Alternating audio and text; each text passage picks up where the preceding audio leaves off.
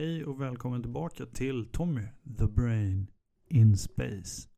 Det har varit ett längre uppehåll nu under en ganska varm sommar. Och jag förstår att du har saknat podcasten. Faktum är att jag har saknat den också. Eh, och, och som med allting när man är som man är, när man inte är, så är det lite så här att man, det är svårt att komma igång igen. Man måste hoppa upp på hästen igen liksom och, och köra igång. Det har varit jättesvårt för mig att komma igång igen med podcasten. Jag har eh, kommit igång med jobb. Eh, jag håller på att förbereda mig inför jakten. Det, det är för fan ett krig i Europa. Äh, jag, jag har inga bra ursäkter sådär, men det, det har känts tungt att komma igång. Men som med nästan allting här i världen så är lösningen på komma igång problemet är att komma igång. Eh, och det, det är nog det mest banala jag kan säga i frågan. Men nu är jag tillbaka. Och det känns faktiskt jäkligt kul att börja prata och babbla här och, och, så kanske någon lyssnar på det. Det känns superkul. Och jag, jag har känt så här. Det har hänt så mycket i rymdnyheterna. James Webb-teleskopet har börjat leverera data. Jag gjorde en YouTube-video om det och jag tror att den, den inte precis håller så här någon superhög standard. Men jag skulle vilja göra, jag skulle vilja göra en ny faktiskt. De har kommit med lite fler bilder på um, Einstein-ringar och galaxer jättelångt borta och så vidare. Massor med cool grejer. Och det händer saker hela tiden i rym på rymdfronten. Eh, och det är superkul. Det händer mycket inom annan vetenskap också. Men det händer ju saker som inte är rymd som jag gärna skulle vilja prata om. Vad jag inte kommer göra är att jag kommer inte göra det här till en valpodd och jag tror att jag kommer försöka hålla mig borta från politik. Eh, jag skulle vilja prata om något filosofiskt någon gång ibland sådär. Men det ska vi inte prata om idag. Utan nu ska vi prata om det mest anti som finns i hela universum. Antimateria. Det låter så konstigt för att jag tror att anledningen till att jag pausar en stund. Jag ska kolla upp varför det heter antimateria. Ja, jag vet egentligen varför det heter antimateria. I slutet av det här avsnittet så hoppas jag att vi ska förstå eller ha fått en bild av att själva idén med antimateria är lite konstig. Vi tänker oss att det finns materia som är vanlig inom luftcitationstecken och så finns det materia som är tvärtom materia. Och på många sätt är det lite så. Men man förstår också när man börjar göra research om en så konstig grej som antimateria att det egentligen bara är det, det är typ samma sak. Och vår idé om vad materia är är baserad på hur vi upplever och, och känner världen. Våra sinnen och vårt sätt att förnimma världen räcker inte till för att intuitivt förklara saker som antimateria. Eh, jag gjorde en hel del research för det här avsnittet och gick in på YouTube och jag hittade ganska många bra liknelser. Och jag ska vara ärlig, jag håller på att lära mig quaternions för dataspelsprogrammering och det är avancerad matte och jag förstår inte. Så matten kan vara svår, men matte är nyckeln till allt det här. Eh, och det vill jag lägga till. Här kommer ett, så här, ett litet tilläggsparti angående varför det är så svårt att komma igång med att göra en podcast. Och det är för att jag sitter och programmerar dataspel hela tiden. Jag har blivit lite besatt. Folk som har ADHD tenderar att bli väldigt besatta av saker och ting. Hyperfokuserade kallas det. Och det är som att dataspelsprogrammering är ett ganska perfekt område för folk med ADHD. Eh, för att alla problem som jag har har jag skapat själv. Genom att bara bestämma mig för att jag ska ha den här saken i spelet och så sitter jag där och blir jag tvungen att liksom försöka lösa problemet jag har skapat för mig själv. Och det finurliga är att jag har accepterat att det ligger till så här för mig själv i det här fallet. Jag behöver inte göra ett dataspel som någon annan kommer att spela. Jag gör det som små eh, eh, tillfällighetsgrejer. Liksom.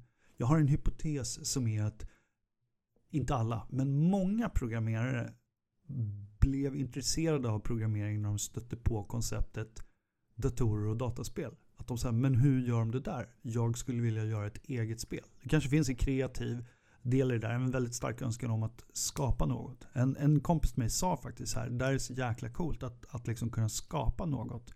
eh, angående ett spel jag gjorde till en game, game jam här i början av sommaren. Eh, och det var jättekul.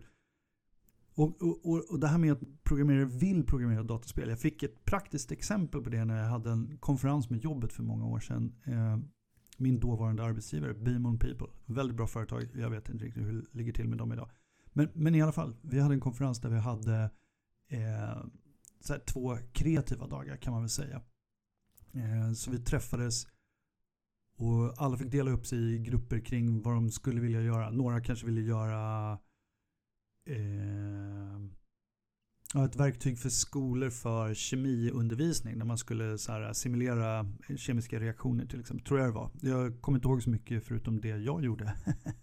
Eh, några andra tittade på tror jag, så här, befolkningsstyrda budgetar i kommuner. Det var lite så här, vad som helst som ni vill göra som företag. Vi bjuder på Red Bull. Och mitt förslag var att vi skulle göra ett, eh, ett dataspel. Eh, liksom bara så här, vi gör ett dataspel, kan, hade, hade bara som syfte så här, vi har kul när vi gör det. Och då hade jag skrivit på ett spel nonstop dygnet runt veckan innan där för att få det till en så här, här är något som vi kan bygga vidare på. Och det var ett eh, rollspel där kartan genereras vartefter och man kunde gå runt och man kunde inleda dialoger med karaktärer. Det fanns klimatzoner och eh, sånt där. Och, och, det som jag tyckte var roligast var att liksom folk som, när man jobbar som programmerare, som IT-konsult, då är det med så här, kunden säger att vi ska ha ett eh, valideringsfält för e-post. Så det, är inte, det, är inte, det är inte superkul. Men jag kände att alla som var med i den här gruppen gick verkligen igång i det. Och efter att vi hade demat det så var det också många som kom fram och pratade om så här, idéer för spel de hade haft men de visste inte hur de skulle börja. Och liknande. Och, och, och så där har jag också känt hela mitt liv. Så här, oh, jag har en spelidé som jag inte vet hur jag ska börja med. Men nu för tiden finns det liksom inga trösklar för att börja med spelprogrammering. Och eh, jag skulle jättegärna vilja göra en sån sak också. Någon YouTube-kanal, någon slags förening här i Ljusnarsberg där bara så, träffas och programmerar dödsspel eller något. Men det är svårt att ta tag i när man har ADHD, barn och eh, 10 000 andra grejer som man måste göra ett jobb och sköta och man klarar knappt av alla de här sakerna. Men det är kul och det är det jag är besatt av just nu. Och eh, därför har jag haft svårt att ta tag i det här för det är så många andra grejer som behöver göras. Men nu, som sagt, är jag här. Och vill prata med dig om antimateria. Nu har vi slut på den grejen. Vad är antimateria egentligen och vem kom på namnet? Hur kan ett universum vara funtat så att från det att det skapas, föds, eller vad som egentligen hände, är fyllt med lika delar materia, allt vi är gjorda av, och antimateria, allt vi inte är gjorda av. Två saker som är så motsatta varandra att om de kommer i kontakt med varandra så förintas de i en perfekt Einsteinsk energikaskad. En total implementation av E är lika med MC2 där all massa görs om till energi utan förluster. Och om universum från början var fyllt av exakt lika delar materia och antimateria, varför finns vi överhuvudtaget? Varför har inte bara all materia förintat varandra? Borde inte allt bara ha konverterats till energi som sen fyllt universum med ljus eller något och sen var allt bra? Eller vad hände igen? Jag tror att vi får börja från början. Antimateria förekommer ofta i science fiction. Man har antimateria-motorer, antimateria-vapen, allt möjligt sånt häftigt. Men är det bara science fiction eller är det här något som finns på riktigt? Antimaterians tidiga historia bestod mest av vilda spekulationer där folk tänkte fritt kring idén att det skulle kunna finnas antiatomer som kunde bilda antimateria som sen kunde bilda hela solsystem, eller snarare antisolsystem. Det här var under 1800-talets slut. Det här var inte seriösa tank, tankar och, och, forskning som man försökte experimentera fram bevis på. Utan fritt spekulerande som man ägnade sig åt under en tid då verkligheten inte var förstådd och utforskad till den graden är idag. Men sen var det någon jäkel som var tvungen att hitta på kvantfysiken. Eller kvantmekaniken. Beroende på vad man vill säga för namn. Likt en katt runt het gröt undviker jag kvantfysiken eftersom jag på en nivå vet vad dess konsekvenser och experiment består av men samtidigt känner att jag behöver djupare förståelse som kanske inte kan uppnås genom att titta på YouTube för att ta mig an det för ett, ett eller flera avsnitt. Det är ett väldigt spännande område som man kan göra så mycket coola tankeexperiment kring kvantmekanik och fysik. Eh, men Jag kommer inte gå in så djupt på det idag, men det, kommer liksom, det har med det här att göra och vi kommer beröra det. Liksom. I början av 1900-talet i alla fall så släppte Einstein, som alla vet, sina stora tankar i nedskriven form. Ungefär samtidigt började kvantfysiken få genomslag. Relativt centralt för kvantfysiken är en ekvation som kallas Schrödinger-ekvationen. Det är en ekvation som givet några startförhållanden beskriver hur ett kvantfysiskt, kvantmekaniskt någon som har en examen i det här får gärna höra av sig och säga vilket ord jag borde använda. Kvantmekaniskt system utvecklas över tid. Vi kommer inte ge oss in djupare på den här frågan. Men om vi gör det så kan vi få ett Nobelpris. Det fick i alla fall Schrödinger själv 1933 i fysik eftersom hans ekvation hjälpte till att förstå och beskriva kvantmekaniska system. Det vi ska prata om lite mer är en kille som heter Paul Dirac. Nu sa jag det lite franskt, Paul Dirac, men han var en brittisk fysiker som 1928 tog Schrödingers ekvation och lade till Einsteins speciella relativitetsteori till den. Den speciella relativitetsteorin är den som har med ljusets hastighet och tid att göra, som ni kanske minns. Genom att kombinera dem och skriva jättemycket matte skapade Dirac en ekvation som beskrev alla partiklar som elektroner och kvarkar. Vad menar jag med beskrev dem? Jo, han beskrev hur deras vågfunktion ser ut. Vågfunktion? Frågetecken. Vågfunktionen är en matematisk funktion som beskriver var en partikel kan befinna sig vid någon tidpunkt givet ett startläge. Vi ska inte gå in på den funktionen heller i detalj, för det är bortanför vanliga dödligas förmåga att förstå utan mer rigorös utbildning i matematik. För att citera Feynman som fick Nobelpris i fysik för sitt arbete med kvantfysik.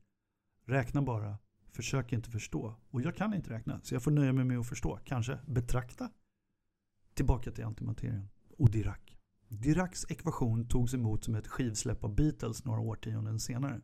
Unga fysiker flockades vid hans hus och skrek hans namn. Det här är inte sant, men en sak var intressant med ekvationen. Den fungerade även för en antielektron. Som jag sa så beskrev hans ekvation alla partiklar, elektroner och kvarkar, hur de skulle bete sig, hur deras vågfunktion såg ut. Det som en eh, kollega till honom, nu ska vi se här om jag har skrivit ner det. Nej, det har jag inte. En kollega noterar så att du noterar att du kan ha en negativ elektron. En antielektron i din ekvation och den stämmer ändå. Okej, så vi måste prata om vad en elektron är. En elektron är en elementarpartikel med negativ elektrisk laddning. En elektron har en laddning av minus 1. Och det här är en helt fundamental konstant inom fysiken. En elektron består inte av några mindre elementarpartiklar och ungefär 1836 gånger mindre än en proton som ju består av några lite mindre komponenter, kvarkarna jag nämnde tidigare. Den partikel som också fungerade i Diracs ekvationer, vilket alltså skulle motsvaras av att du själv i vilken ekvation som helst kommer fram till att x, som du letar efter, kan vara både ett positivt och ett negativt tal, hade helt enkelt exakt samma egenskaper som en elektron, men med den elektriska laddningen plus 1. Det här är bara en räkneteknisk, matematisk sak som man upptäcker i ekvationen. Man kan skriva in 1 istället för minus 1 och ekvationen fungerar på samma sätt. Så utöver spekulationerna i slutet på 1800-talet hade man vid den här tidpunkten ingen anledning att misstänka att antimateria var något som existerade eller kunde existera överhuvudtaget. Upptäckten av antimateria i den här ekvationen representerar liksom själva kärnan i teoretisk fysik, eller varför inte vetenskap generellt. Vetenskap är att observera världen, formulera en teori som förklarar observationerna och sen använda teorin för att göra förutsägelser som ännu inte observerats. Det sista steget är liksom grädden på moset. Det som fått Einsteins speciella och allmänna relativitetsteori att äga fullständigt i mer än 100 år genom att gång på gång leverera observationer av saker som bara dykt upp i ekvationerna. Svarta hål, gravitationsvågor, linser som består av galaxer och så vidare. Men det här är ju ganska sjukt. Någon skriver en ekvation och av någon anledning går det bra att stoppa in ett positivt tal istället för ett negativt tal i den och allt fungerar fortfarande. Det kan ju omöjligen betyda att något så konstigt som en antielektron, som man helt enkelt döpte till positron, behöver existera. Men hur upptäcker man då en positron? I, att den mot förmodan skulle finnas. Eller för den delen, hur upptäcker man en helt vanlig elektron? Jo, genom att använda en dimkammare. Vi måste prata om det för att kunna förstå hur man upptäckte antimateria sen. En dimkammare, även känd som Wilson-kammare, efter sin uppfinnare Charles T.R. Wilson, är en låda med ett fönster. Lådan fylls med ånga, till exempel ånga från alkohol. Och i ett experiment som gav ett Nobelpris använde Carl David Anderson en platta av bly för att observera kosmisk strålning. Strålningen träffade blyplattan och slog loss bland annat elektroner. De här elektronerna skapar sedan ett spår genom vattenångan. Enkelt. Om man sedan lägger till ett magnetfält som täcker lådan så kommer elektronen svänga iväg ett spiral, i ett spiralformat mönster på grund av sin elektriska laddning. Och på grund av laddningen, den här negativa elektriska laddningen minus 1 som elektronen har, så kommer elektronen alltid att svänga åt samma håll. Den här böjningen kan analyseras för att utröna partikelns massa kontra laddningsförhållande. Men Anderson observerade ibland också ett spår i dimkammaren som såg exakt ut som en elektron, men som svängde åt andra hållet. Förhållandet mellan laddning och massa var samma som för elektronen, fast med positiv laddning. Den svängde åt andra hållet. Alltså en positron. Så en blyplatta träffas av något slags strålning och tappar en positron. Det här låter ju lite knäppt. Någon skriver en ekvation. Man hittar bevis för att en knäpp lösning på ekvationen existerar i verkligheten. Sen upptäcker man senare faktiskt att positroner avges med vissa typer av radioaktivt sönderfall. Så positroner är bara en del av vår verklighet, på, på riktigt. De är sällsyntare än elektroner till exempel och avges bara en av hundratusen gånger vid radioaktivt sönderfall av potassium 40. Potassium tror jag är natrium. Nåväl, eh, efter att man alltså hittat positroner så föll det sig naturligt att reflektera över möjligheten att andra antimateriepartiklar också existerar.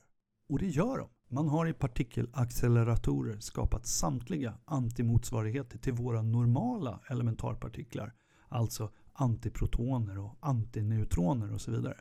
Man har även lyckats slå ihop beståndsdelarna och skapat ja, atomer av antiväte och till och med antihelium. Totalt har människan bara skapat några nanogram, alltså miljarddels gram, antimateria någonsin. Vilket är väldigt lite och väldigt dyrt. Kostnaden ligger på ungefär 25 miljarder dollar per gram. Det knöliga är att man inte kan lagra antimateria trivialt. Vid minsta kontakt med vanlig materia förintas de fullständigt. Teoretiskt sett borde alltså hela det periodiska systemet kunna existera av antimotsvarigheter av alla grundämnen vi känner till men det gör de inte. I experiment har man också lyckats skapa elektron-positronpar, alltså en negativ elektron och en positiv elektron samtidigt. Experimenten visar att de alltid bildas som par om förhållandena är de rätta. Förhållanden som liknar de vid universums födelse. När universum bildades var det så varmt och högt tryck att det bildades materia och antimateria hela tiden. Och de krockar med varandra hela tiden med fullständig förstörelse som resultat.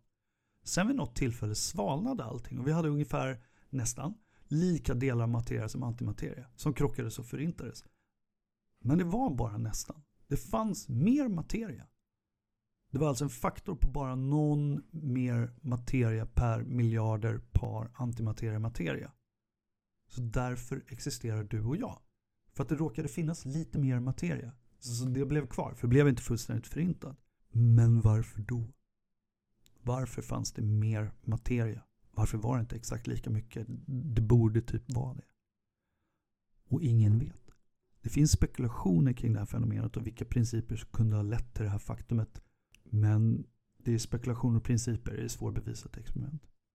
När jag hade skrivit så här långt på det här avsnittet kom jag på en fråga som jag blev lite orolig över. Nämligen det här påståendet att de förintas fullständigt. Varför gör de det? Varför förintas en antielektron, en positron, när den träffar en elektron? Vi vet att det händer, men varför händer det?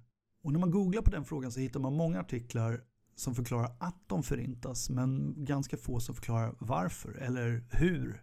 Och nu när jag nog hittat det här svaret så vet jag att svaret kopplar ihop hur och varför med varandra. Det korta svaret på varför en elektron som krockar med en positron leder till förintelse och i slutändan till att en foton skjuter iväg är för att de kan inom citationstecken. Det visar sig nämligen att det kan hända något annat än förintelse nämligen att de bara studsar bort från varandra. Men förintelsen är vanligare och därför är det så att över tid förintas samtliga partikel-antipartikelpar som man har. Och det roliga är att ju mer vi pratar om coola grejer desto mer närmar vi oss svåra, riktigt coola grejer, nämligen kvantmekanik och standardmodellen. Eh, för på många sätt är det så att det vi kallar en elektron är något som inte existerar. Inte trivialt som vi tänker oss att en tärning existerar eller du och jag existerar. Det finns inte gruskorn som åker runt i rymden och har etiketten elektron fastklistrad på sig. Nej, det vi kallar en elektron är vår naiva, som jag pratade om tidigare, tolkning av något som kallas elektronfältet. Ett kvantfält. Det här fältet har fyllts på med lite extra energi på ett visst ställe. Det finns ett fält för varje typ av kvantmekanisk partikel så att ett elektron, elektromagnetiskt fält för fotoner existerar också. De här fälten vill tydligen helst av allt inte ha, alls ha något högre energitillstånd. De vill ha ett vakuum, det lägsta energitillståndet, där det inte existerar några partiklar alls. Dock är det så att laddning konserveras. Det är en grundlag i fysiken. Laddningen kan inte bara försvinna. Men hoppsan. Här har vi en positron och en elektron. Den ena med laddningen pluset och den andra med minuset. Slår man ihop dem så tar laddningarna ut varandra och det skjuter iväg en foton med hög energi istället. Men det är inte elektronfältets problem längre. Så de här laddningarna tar ut varandra och kommunicerar det till omvärlden genom att skicka iväg en foton i ett annat kvantmekaniskt fält istället. En annan beskrivning jag såg på det här var att man kan tänka det som att de här partiklarna är vågor i fältet. Vågfunktionen. Och de här vågorna tar ut varandra. De är exakt likadana på alla sätt men alltid tvärtom. Så fältet nollställs liksom. Men eftersom själva den här vågen bara kan uppstå genom att man tillfört energi till fältet så blir den här energin fri att göra vad som helst. Nämligen fara iväg som fotoner i ett annat fält. Pretty wild om du frågar mig. Men spelar det någon roll ens en gång? Alltså att antimateria finns?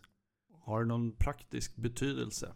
Ett av de konkreta användningsområden som finns för antimateria, är, eller där det förekommer, är någonting som heter positron, positron emission tomography, PET, eh, som är en slags bildtagningsteknik man använder för att, inom medicin.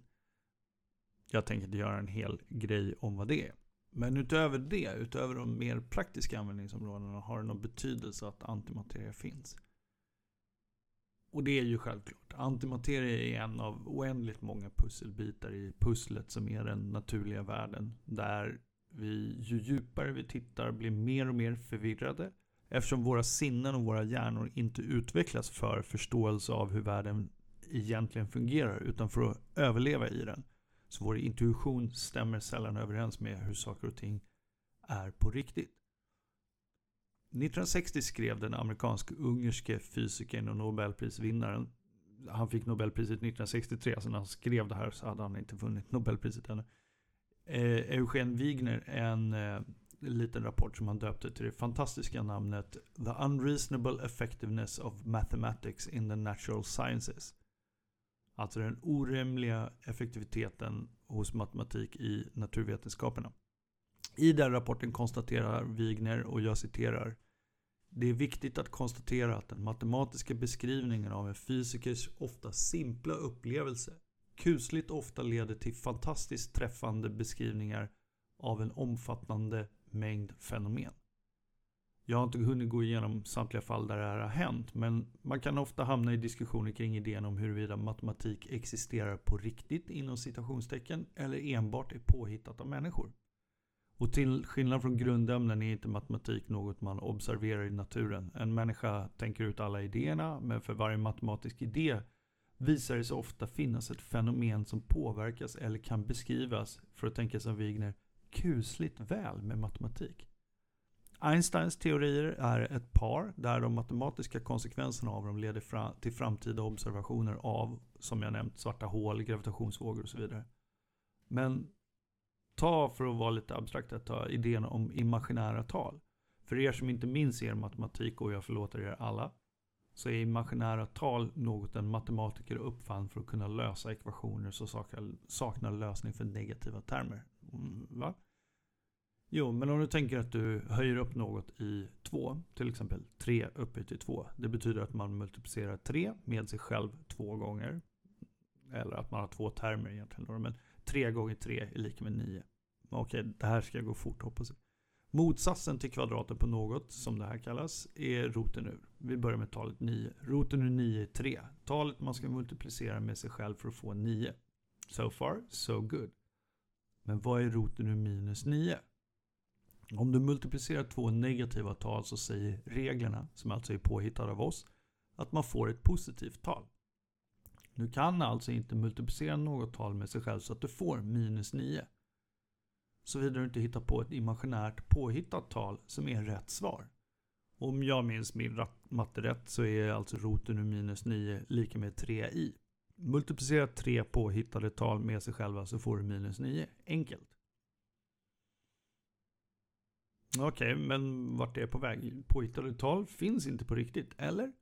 Men strömuttaget i ditt hus ger dig växelström och alla dina elektroniska apparater använder växelström in och för att räkna på kombinerade växelströmsfrekvenser och spänningar och sånt måste en elektroingenjör använda just imaginära tal för att lösa sina problem. Så finns de eller finns de inte?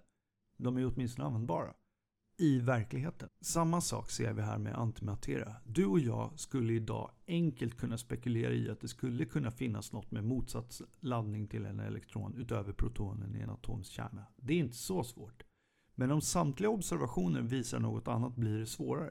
Diracs ekvation öppnade rent teoretiskt dörren för att spana efter fenomenet. Som förmodligen i princip redan hade upptäckts i dimkammare. Det finns nedtecknat observationer om eh, spår i dimkammaren som skruvades åt fel håll. Men ingen drog någon slutsats av det. Ingen tog notis om de här elektronlika spåren som gick åt fel håll. Förr eller senare så hade någon frågat sig vad som försiggick med de där felskruvade elektronerna och arbetat från observation till teori. Men vetenskapens sanna, riktigt skruvade kraft kombinerad med matematik är att vi kan börja med något helt abstrakt, en ekvation baserad på verkliga observationer och förutspå något så bisarrt som en hel klass av materia som är precis lika sann som allt vi kan ta i med våra händer. Men tvärtom. Och vi kan inte ta i det med våra händer för då exploderar vi i fullständig förstörelse. Men ni förstår vad jag menar. Tänk om man hade det här perspektivet när man lär sig matematik i skolan. Det hade varit kul.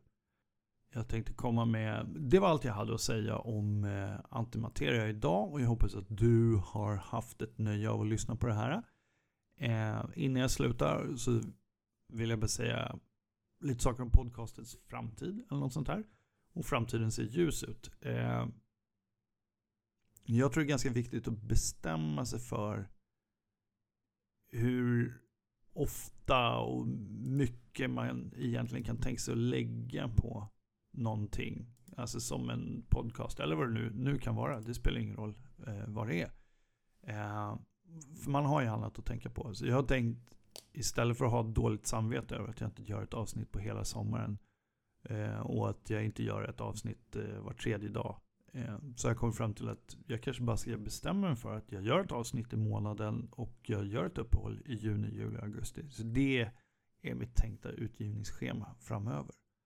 Ehm, jag hade tänkt tipsa om en bok som jag har lyssnat på. En ljudbok som handlar om forskning och eh, vetande kring hur man bäst lär ut matematik i skolan. Skriven av en kvinna som eh, hon är ganska passionerad kring matte och att lära ut matte. Men hon pratar mycket om att eh,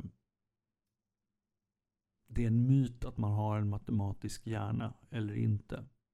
Det kan vara att man behöver betrakta matte från andra vinklar än vad man normalt gör. Jag kommer ihåg när jag gick i skolan. Jag skulle säga jag skulle beskriva det som att man, man lär sig matte på ett sätt. Men eh, nu för tiden så har vi så många olika sätt att kunna visualisera ett problem på. Ta sånt som trigonometri till exempel som är ganska abstrakt och en del personer tycker det är otroligt svårt.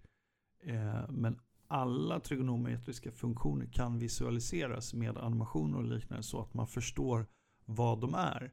Så man behöver inte ha eh, den typ av abstrakt tänkande som kanske behövdes för att förstå dem för 30-40 år sedan. Nu för tiden kan man liksom se dem på ett enklare sätt. Det är en bra bok, men jag lyckas just nu inte logga in i min boktjänst så jag kan inte kolla vad den heter. Jag kanske, jag kanske tar det i nästa avsnitt. Eller sådär. Tänkte jag tipsa om en tv-serie där jag åtminstone tycker att första säsongen var riktigt rolig. Den heter For All Mankind och finns på Apple TV+. Eh, och den, kort och gott så handlar den om eh, rymdprogrammet. Men vad hade hänt om rymdprogrammet, om inte USA hade vunnit eh, racet till månen? Utan om Sovjetunionen hade varit först. Och vilka konsekvenser det har för rymdprogrammet. Och den är kul helt enkelt. Rymdgrejerna är roligast när de gör rymdiga grejer. Och eh, eh, ah, jag, jag, tycker den är värd en titt och eh, om man inte gillar den vet du, då är det bara att stänga av så slipper man kolla vidare. Eh, tack för idag och vi ses nästa månad för nästa avsnitt